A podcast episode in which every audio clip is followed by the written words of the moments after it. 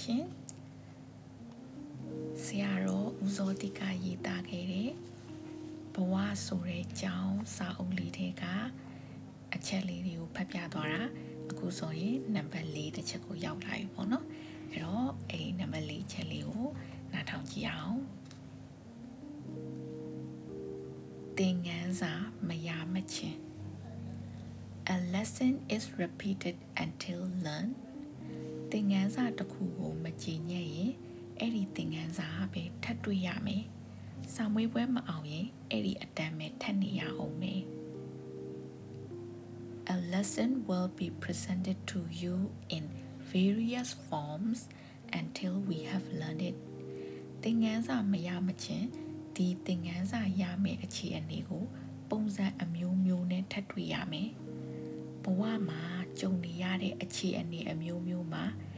ရတဲ့ယူတဲ့တဲ့သင်ခန်းစာကိုယူရမယ်မယူမိရင်မယူမချင်းအဲ့ဒီအခက်အခဲမျိုးထပ်တွေ့နေရမယ်တချို့လူတွေဟာဘဝအတွေ့အကြုံတွေကသင်ခန်းစာကိုမယူကြဘူး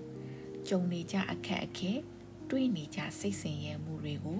ထက်ခါထက်ခါတွေ့ကြုံနေရတယ်နှစ်ပေါင်းများစွာအကြိမ်ပေါင်းများစွာကြုံနေရပေမဲ့သင်ငန်းစာမယူဘူး ကိုဖက်ကပြုတ်ပြင်တဲ့နာကိုမပြုတ်ပြင်ဘူးငါကကန်ဆိုးပါတယ်ဆိုပြီးကံကိုပဲပုံချကြတယ်ကံကိုပုံချတယ်ဆိုတဲ့အတိပဲကငါကိုငါမပြုတ်ပြင်ခြင်းဘူးမပြုတ်ပြင်နိုင်ဘူးငါကိုငါတာဝန်မယူခြင်းဘူးငါချွေရင်ချက်ဟာငါတာဝန်မဟုတ်ဘူးလို့ဆိုတာနဲ့အတူတူပဲ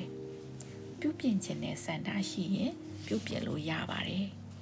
တပည့်လေးတယောက်အကြောင်း မကြခင်ကဖြစ်ခဲ့တဲ့ကိစ္စတစ်ခုပြောပြမယ်။အဲ့ဒီတပည့်လေးကပညာတတ်ဘွဲရပစ္စည်းဥစ္စာလည်းပြည့်စုံတယ်။သူ့မှာအိမ်ရှိတယ်၊ကားရှိတယ်။သူကစာဖက်ဝါဒနာလည်းပါတော့စာကြီးတိုက်ကြီးတစ်ခုမှသွားပြီးတော့စာဖက်လေးရှိတယ်။တနေ့တော့သူဖတ်နေတဲ့စာအုပ်ကိုတိတ်တဘောကြတယ်အပိုင်လိုချင်တယ်။အဲ့ဒီစာအုပ်ကဝယ်လို့လည်းမရနိုင်ဘူး။အဲ့ဒီတော့ ဘသူမှမသိအောင်အဲ့ဒီစာအုပ်ကိုသူယူခဲ့တယ်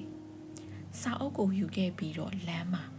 ကားတိုက်မလို့နှစ်ကြိမ်ကြုံရတယ်။ဘာဖြစ်လို့လဲဆိုတော့သူ့စိတ်ဟာရောက်ရက်ခတ်နေတယ်။မတည်ငြိမ်ဘူး။မအေးချမ်းတော့ဘူး။စိတ်ကကားမောင်းနေတဲ့အခြေအနေမှာမရှိဘူး။တွေဝေနေတယ်။ဒီလိုနဲ့ပဲတက်နိုင်တဲ့လောက်တတိထားပြီးတော့ကားကိုမောင်းပြီးအိမ်ပြန်ရောက်လာတယ်။အိမ်ရောက်တော့အဲ့ဒီစာအုပ်ကိုစပွဲပေါ်မှာတင်ထားလိုက်တယ်။ ဖတ်ဖို့အချိန်ရတဲ့အခါအဲ့ဒီစာအုပ်ကိုသူဖတ်တယ်အပြင်သွားကြရှိတဲ့အခါသွားတယ်သူပွပွင့်လင်းလင်းပြောပြတာကအပြင်ကပြန်လာတဲ့အခါသူ့အခန်းထဲကိုသူဝင်လိုက်လို့စပွဲပေါ်တင်ထားတဲ့စာအုပ်ကိုမြင်လိုက်ရရင်သူတုံသွားတယ်ခြောက်ချသွားတယ်စိတ်တည်ငြိမ်မှုစိတ်အေးချမ်းမှုသူမရဘူးဒါစာကြီးတိုက်ကစာအုပ်ဘသူမှမသိအောင်ခိုးယူလာတာ ਉਹ အဲ့ဒီတော့စာအုပ်ကသူ့ကိုခြောက်လန့်နေတယ် သူ့ကိုယ်သူလေးစားလို့မရတော့ဘူးကိုကိုသူများမလေးစားတာကဒီလောက်မစိုးသေးဘူးကိုကိုကိုလေးစားမှုမရှိတော့တာကြီးမားတဲ့ဆုံးရှုံးမှုဖြစ်ပါတယ်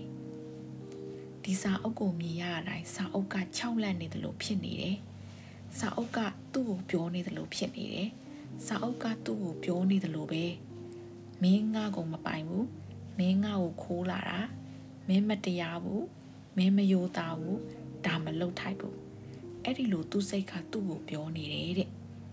ကိုယ်စိတ်ကိုကိုကြည့်တတ်ရင်တရားတယ်မတရားဘူးဆိုတာတွေ့နိုင်ပါတယ်လူတွေရဲ့စိတ်ထဲမှာအင်မတန်မြတာတဲ့ဗတ်မလိုက်တဲ့အမှန်အတိုင်းဆုံးဖြတ်နိုင်တဲ့တရားသူကြီးတယောက်ရှိတယ်သူ့ကိုညာလို့မရပါဘူးဒီတပည့်လေးကစိုးသွမ်းနေတဲ့သူမဟုတ်ပါဘူးသူတော်တော်လေးထိမ့်ထိမ့်သိမ့်သိမ့်နေတတ်တဲ့သူဖြစ်ပါတယ်တရားအထုတ်တာလဲဝါဒနာပါတယ် နေ့စဉ်တရားအားထုတ်တယ်သူ့စိတ်ကိုသူတတ်နိုင်တဲ့လောက်သိပြီးနေလေးရှိတယ်အဲ့ဒီလိုနေတတ်လို့လဲသူ့စိတ်ထဲမှာဖြစ်နေတဲ့ခြောက်ချာမှုမငြိမ်းချမ်းမှုတွေကိုသိနေတာပဲဒီလိုသိနေတာကြာတော့ဒီစိတ်ပင်ပန်းမှုကိုမခံနိုင်တော့ဘူးမခံချင်တော့ဘူးဘသူမှမသိပေမဲ့ကို့ဘာသာကိုတော့သိနေတယ်အကောင်းဆုံးကတော့စိတ်ငြိမ်ချမ်းမှုပြန်ရအောင်လုံမဖြစ်တော့မယ်အဲ့ဒါနဲ့အဲ့ဒီစာအုပ်ကို စာကူးဆက်မှာတော့ကူပြီးတော့မူရင်းစာအုပ်ကိုစာကြီးတိုက်မှာပြန်ထားလိုက်တယ်ပြန်ထားလိုက်တော့မှသူ့စိတ်ဟာငြိမ်းချမ်းသွားတယ်အဲ့ဒီအခါမှာသူဆုံးဖြတ်ချက်ချလိုက်တယ်နောက်အခါဘယ်တော့မှသူ့တပားပစ္စည်းကိုမပေးပဲမယူတော့ဘူးအဲ့ဒါကိုလည်းသူပွန့်ပွန့်လင်းလင်းပြောပြတယ်မမားတဲ့သူမရှိပါဘူးဒါပေမဲ့မားတဲ့အထက်ကသင်ငန်းစာယူပြီးတော့ အဲ့ဒီအမားမျိုးနောက်ထပ်မမအောင်စူးစမ်းဖို့ပဲအရေးကြီးတယ်အမားများလေဒုက္ခများလေပဲအမားတွေကပညာရပြီးတော့ပြုပြင်သွားလေပညာဉာဏ်ကြီးလေလေပဲဒီတပည့်လေးဟာအမတ်တမဲ့မနေလို့သူ့စိတ်ထဲမှာဖြစ်နေတာကိုသူသိနေလို့ပြုပြင်နိုင်သွားတာပါတတိနဲ့မနေတတ်ရင်လောဘကပဲကြီးစိုးပြီးတော့ထက်ထက်မာနေအောင်မယ် when you have learned it you can then go on to the next lesson သင်ခန်းစာတစ်ခုကိုတိတိကျကျနားလည်သွားပြီသဘောပေါက်သွားပြီကြည်ညက်သွားပြီဆိုရင်နောက်သင်ခန်းစာတစ်ခုကိုတက်ရပြီတဒန်းအောင်သွားရင်နောက်တဒန်းတက်ရပြီ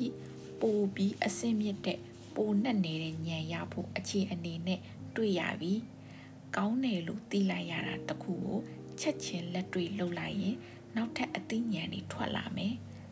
မလှုပ်ပဲနေလိုက်ရင် နောက်ထပ်မသိနိုင်တော့ဘူး